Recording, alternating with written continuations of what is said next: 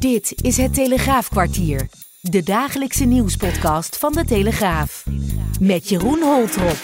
Ja, welkom bij het Telegraafkwartier van vrijdag 16 februari. Met vandaag Russisch oppositieleider Navalny is overleden. En de kloof tussen wat dierenartsen vragen en wat baasjes kunnen betalen wordt steeds groter. Aangeschoven zijn Thomas Blom en Masha de Jong. Vandaag werd bekend dat de Russische oppositieleider Navalny op 47-jarige leeftijd overleden is in een strafkolonie.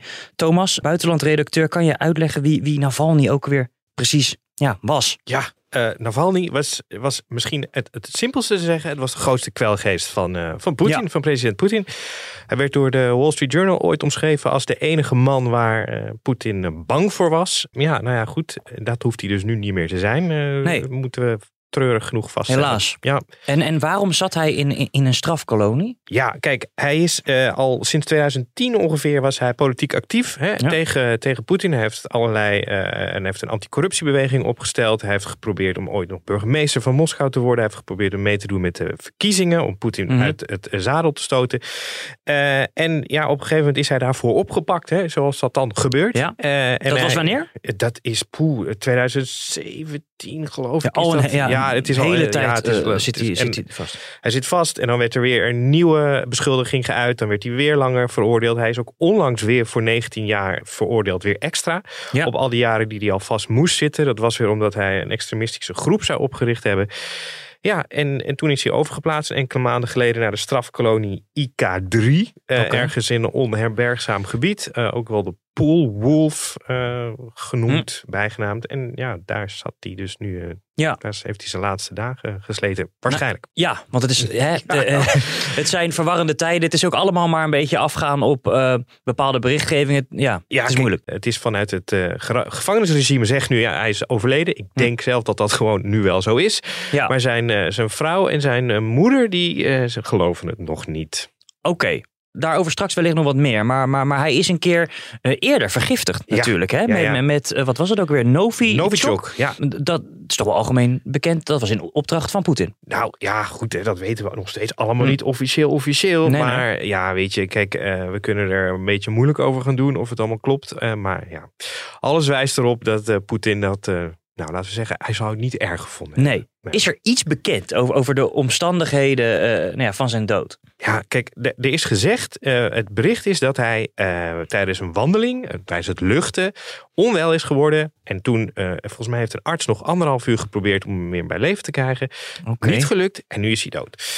Maar ja, kijk, ja. Het, wat een beetje gebruikelijk is in Rusland, je gaat er nooit achter komen als er zo'n mysterieuze dood is. De grote vraag is, wordt zijn lichaam vrijgegeven? Dat gaan we natuurlijk ook niet weten of dat, uh, of dat gebeurt. En dan zul je natuurlijk kunnen zien, uh, is hij helemaal in elkaar geslagen? Zit oh, ja. er gif in zijn lichaam? Ja, ja. Uh, ja nou ja, dat...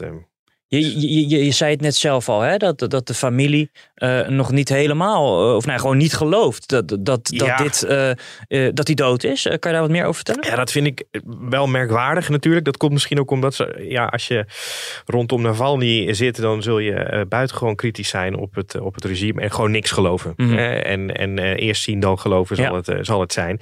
Maar ja, kijk, ik kan me niet echt voorstellen dat, het, dat hij alsnog als een duveltje uit een doosje ineens tevoorschijn komt. Nee, Um, heeft Poetin al gereageerd op het nieuws? Nee, nee dat is, daar is nog niks van, uh, van, uh, van naar buiten gekomen. Hij uh, doet dat meestal ook niet. Hè? Hij, is, hij probeert ook eigenlijk altijd heel erg de boel monddood te maken. Ja, ja. Dus hij wil daar ook gewoon zo min mogelijk aandacht aan besteden. Hij heeft ook ooit over Navalny gezegd. Ja, hij is niet belangrijk genoeg. Hè? Dat is natuurlijk heel vreemd. Van, gaat hij dan ineens gaat hij downplayen? Ja, ja. ja dat, hm. uh, als, hij dood, als we hem dood hadden gewild, was hij wel dood. Zoiets had hij geloof ik gezegd. Oh ja. Dus ja, hij zal nu ook proberen om zo min mogelijk uh, reuring eromheen te creëren. Want je wil natuurlijk niet dat dit weer een aanleiding is tot protesten. Want dat Juist. kan natuurlijk gebeuren. Dat er Juist. nu ineens weer allemaal mensen de straat op gaan. En als Poetin ergens een hekel aan heeft, dan is het heel veel mensen op straat die boos zijn. Ja, precies. Ja. Um, ja, want is dit nou in het, in, in, in het. Dan zou het in het nadeel zijn van Poetin hè, als dit protesten oplevert. Maar Zeker. je zou ook kunnen zeggen dat hij lijkt ook weer wat sterker nu. Dat hij heeft kunnen laten Dat zien hij hem heeft hij- kunnen uitschakelen op een ja, manier. Nou ja, goed, kijk, dat, dat had hij natuurlijk al heel lang geleden kunnen doen. En het is ook geprobeerd, wat je al zei, hè. Novichok in 2019. Toen is hij ineens aan boord van een vliegtuig, een vlucht naar Moskou, werd hij onwel. En eh, toen is hij uiteindelijk overgeplaatst naar een ziekenhuis in Berlijn, waar ze dus vaststelden, ja, deze man is gewoon hartstikke vergiftigd.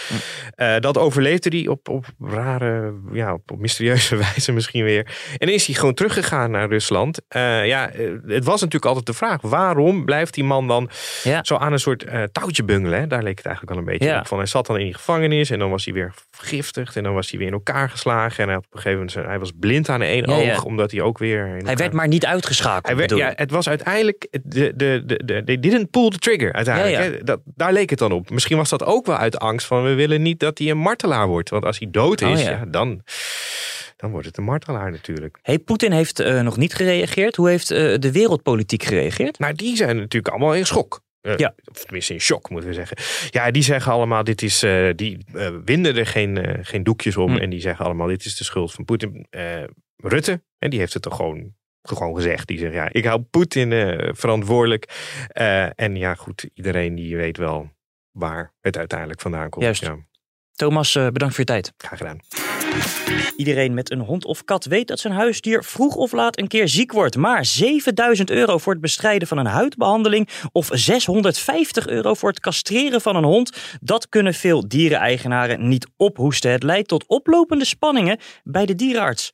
Marcia, wat is er aan de hand? Ja, daar kom je achter als je een bezoekje doet aan een dierenarts. Ja? En eh, ja, een dierenarts die denkt van, eh, er is nog wel wat mis met jouw dier. En dat kan dan aardig in de papieren lopen. Juist. Achter wat voor eh, verhalen ben je allemaal gekomen voor dit stuk? Nou, het is grappig, ik had er eigenlijk zelf mee te maken. Dus Oh. eh, ik had zelf een Dat kat. is de beste journalistiek natuurlijk. Ja, nou ja, zo ontstaan Ja, dingen. zeker. Ja. Ik had een kat, die zat niet zo lekker in zijn vel. Ik ging daarmee eh, naar de dierenarts. Ja. Het was een vlooiprobleem. Dus we stonden daar natuurlijk al 5-0 achter toen we daar stonden. Want die staat toch een beetje voor lul als eh, de Ja, ja. huid eh, of zeg maar wordt getoond en je ziet allemaal neten zitten. Maar dat was het begin. Maar toen was er een blaasgruisprobleem en er was ook wat met de tanden. En toen lieten we dat allemaal eens even optellen. En toen kwamen we toch wel zo eh, tussen de 1000 en 1500 euro uit. niet? Ja, en dan ga je toch even denken van, eh, ja, eh, we hebben ook gewoon drie kinderen. Ga je dat doen? En wij hadden toen eigenlijk zoiets van, nou weet je wat, dan doen we die, die mondproblemen. Want je zag echt dat een tandje was afgebroken en er lag een worteltje lag er, open. En ehm, toen stelde ik dat voor, telefonisch. En toen zei die dierenarts, nee, eh, de dierenarts bepaalt, moet die blaasgruisoperatie zijn. En als je dat niet doet, dan eh, bellen wij de dierenpolitie. Rot op. En dat was natuurlijk, ehm, zeg maar, ik was flabbergasted. Omdat ik echt dacht, hè, maar zo ga je toch helemaal niet met je klant om? Ik vond dat echt, ik zei tegen die mevrouw ook, ik zeg mevrouw, ik ga toch nooit meer een kat bij u op de operatietafel leggen Ja. als u zoiets, mij met zoiets confronteert. En dat was dan waarschijnlijk ook eh, het, het, het, het hoogste prijskaartje, zeg maar. eh, die Ja, ja, ja, ja, ja, ja. Maar, maar kijk, zo ga je dus al denken. Hè. Je gaat heel defensief denken. Je denkt, ja, Ja. nee, nee, maar jij wil natuurlijk eh, die operatie vanwege dat geld. Ik zei tegen haar, nee, ik ga de dierenpolitie bellen, want u wil mijn eh, kat niet aan zijn mond opereren. Dus ik was, maar ik kwam hier op de redactie en ik zei, nou, ik heb wel een mooi verhaal. Dat was eigenlijk het begin. Toen hebben wij een oproep gedaan van eh, mensen. Nee, wacht even, wacht Ja, even. Even ja. eerst je, je persoonlijke verhaal. Ja, Ja, ben ik ja, toch wel benieuwd. Hoe is het nu met de kat? Leeft de kat nog? Nou, de kat leeft zeker. Er is nog niks eigenlijk gebeurd eh, met de kat. We zijn wel op zoek gegaan naar een blaasgruis eh, eh, oplossing. Ja, Nou, die blijkt er best wel te zijn. Daar ben ik gaan, eh, zeg maar, zo eh, in de loop van de tijd ben ik daar ook wel achter gekomen. Natuurlijk ook omdat ik ondertussen met een, ja, eigenlijk, ja, dat, Hm. dat wilde ik, zeg maar, met die kat gaat het prima. Dat. Alleen er gebeurde iets. Wij Maar deden, de kat heeft nog wel vlooien, bijvoorbeeld. Nee, nee, nee, hou op, hou op. Nee, Oh. maar dat was ook zoiets. Dat- Dat is dan zoiets grappigs wat er gebeurt. Wat er dan gebeurd is, die kat die werd nog mee naar achter genomen, want ze gingen nog even foto's van hem maken. Nou, dan sta jij daar natuurlijk je hartstikke belazen te voelen in die winkel, want er zit dan een winkel bij en dan haal je alvast vlooienspullen, want dan denk je, ja, die heb ik dan alvast. En dan komt zo'n vrouwtje terug met je kat en dan zeg je, ja, ik heb al wel vlooienspul gehaald. Kijk, kijk, ik doe hier mijn best. Ik doe hier mijn best als klant. En dan zegt ze doodleuk, nee, maar dat is geen goed vlooienspul, want daar zijn ze resistent tegen. Nou, dan, hier, hier heb je vlooienspul. Kost ook Ja, ja, ja, 45 ja, euro. ja, ja. Nou, je krijgt echt errors in je hoofd. Dat je denkt, Hm. ja, nee, nee, dit klopt niet. Maar dat is echt het rottige. Want je gaat ze... je, je, gaat, je gaat onwijs defensief ga je erin. Ja, ja. en ik denk dat dat niet de bedoeling is. Nee, oké, de kat leeft nog. Het gaat goed Ja, met de kat. Maar vervolgens hebben we een oproepje gedaan, geloof ik. Ja. En eh, ja, wat, wat, wat, wat ben je to- heb je toen eh, binnengekregen? Wat hebben we aangetroffen? Ja, je krijgt super grappige dingen binnen over inderdaad iemand die dus eh, 7000 euro aan huidproblemen had betaald. Maar Jezus. ook iemand die een konijn moest laten opereren en nog een keertje. Terwijl je gewoon weet dat de duinen hier vlakbij, er zitten alleen maar zieke konijnen. Dat je denkt, Hm. ja, maar goed. Die dieren kunnen niet praten, je kan het ook niet navragen. Nee. Dus je gaat op die expertise af. Maar toen gebeurde er iets grappigs. Het was namelijk zo dat die oproep ook op Facebook was gedaan. En die werd gelezen door een dierenarts. En die dierenarts, die, nou, dat schoot gewoon in het verkeerde keelgat. En die is dus zeg maar zijn beroepsgroep gaan oproepen. Van ja, jongens, we gaan nu een keertje wat van ons laten horen. Dus heb ik gewoon ruim 200 dierenartsen over me heen gekregen. Die wel wat van die oproep vonden. Maar dat Wat, was, want wat, wat vinden zij? ja, die, die maken de andere kant mee. En, en die kant Ja. is ook echt niet mals. Ik heb dus zeg maar eh, natuurlijk heel veel dingen gelezen. Maar ik heb ook zeg maar de dierenarts die de oproep deed. Daar ben ik echt naartoe gegaan. Ja. En die vertelde bijvoorbeeld echt een schrijnend verhaal. Ja. Dat iemand op spoedconsult komt met een kat die is aangereden, gebroken kaak. Ja. En dan eh, zegt, eh, hè, een spoedconsult kost dan 100 euro. En dan zegt diegene, ja, ik heb 150 euro. Deal er maar mee. Ja, en dan ligt daar gewoon een kat hè, met een gebroken kaak. Oh, ja. En je weet ook, die kan niet eten natuurlijk, hè, want die heeft hartstikke veel pijn.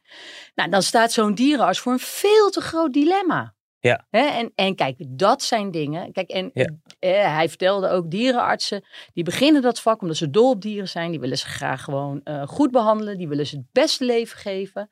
Maar ja, ze hebben ook eh, met eigenaren te maken. ja. Ja, en ze ook moeten met- ondernemer zijn. Ja, precies. En, en ook met dreigementen, begreep ik. Hè? Dat er best wel, Ja, eh, ja, dat- het wel eens hoog op kan lopen. Ja, het loopt zo hoog op. Bijvoorbeeld deze dierenarts die vertelde gewoon dat hij had een assistent en dan kwam er een man en die had elke keer een dikke hond bij zich. En zij zegt gewoon vanuit haar vakgebied van joh, ik moet iets tegen je zeggen. Dus zij heeft gewoon een aantal keren gezegd, meneer, uw hond is echt te dik. Toen heeft hij op een gegeven moment heeft hij tegen haar gezegd, kom je even mee naar buiten. En eh, Oh ja. dan lossen we dat wel even op. Maar ja, dat, kijk, Oké. zo'n dierenarts, die krijgt natuurlijk personeel wat wit wegtrekt. Wat Ja. zegt van ja, Ja. kan toch niet zo zijn. Ja, en dan, ja, dan Ja. moet je een klant ook verwijzen. En dat is natuurlijk echt de andere kant van het verhaal. En daardoor, dat was het leuk, gaandeweg werd dat verhaal eigenlijk, kwam dat meer in het midden te liggen. Ja, ja.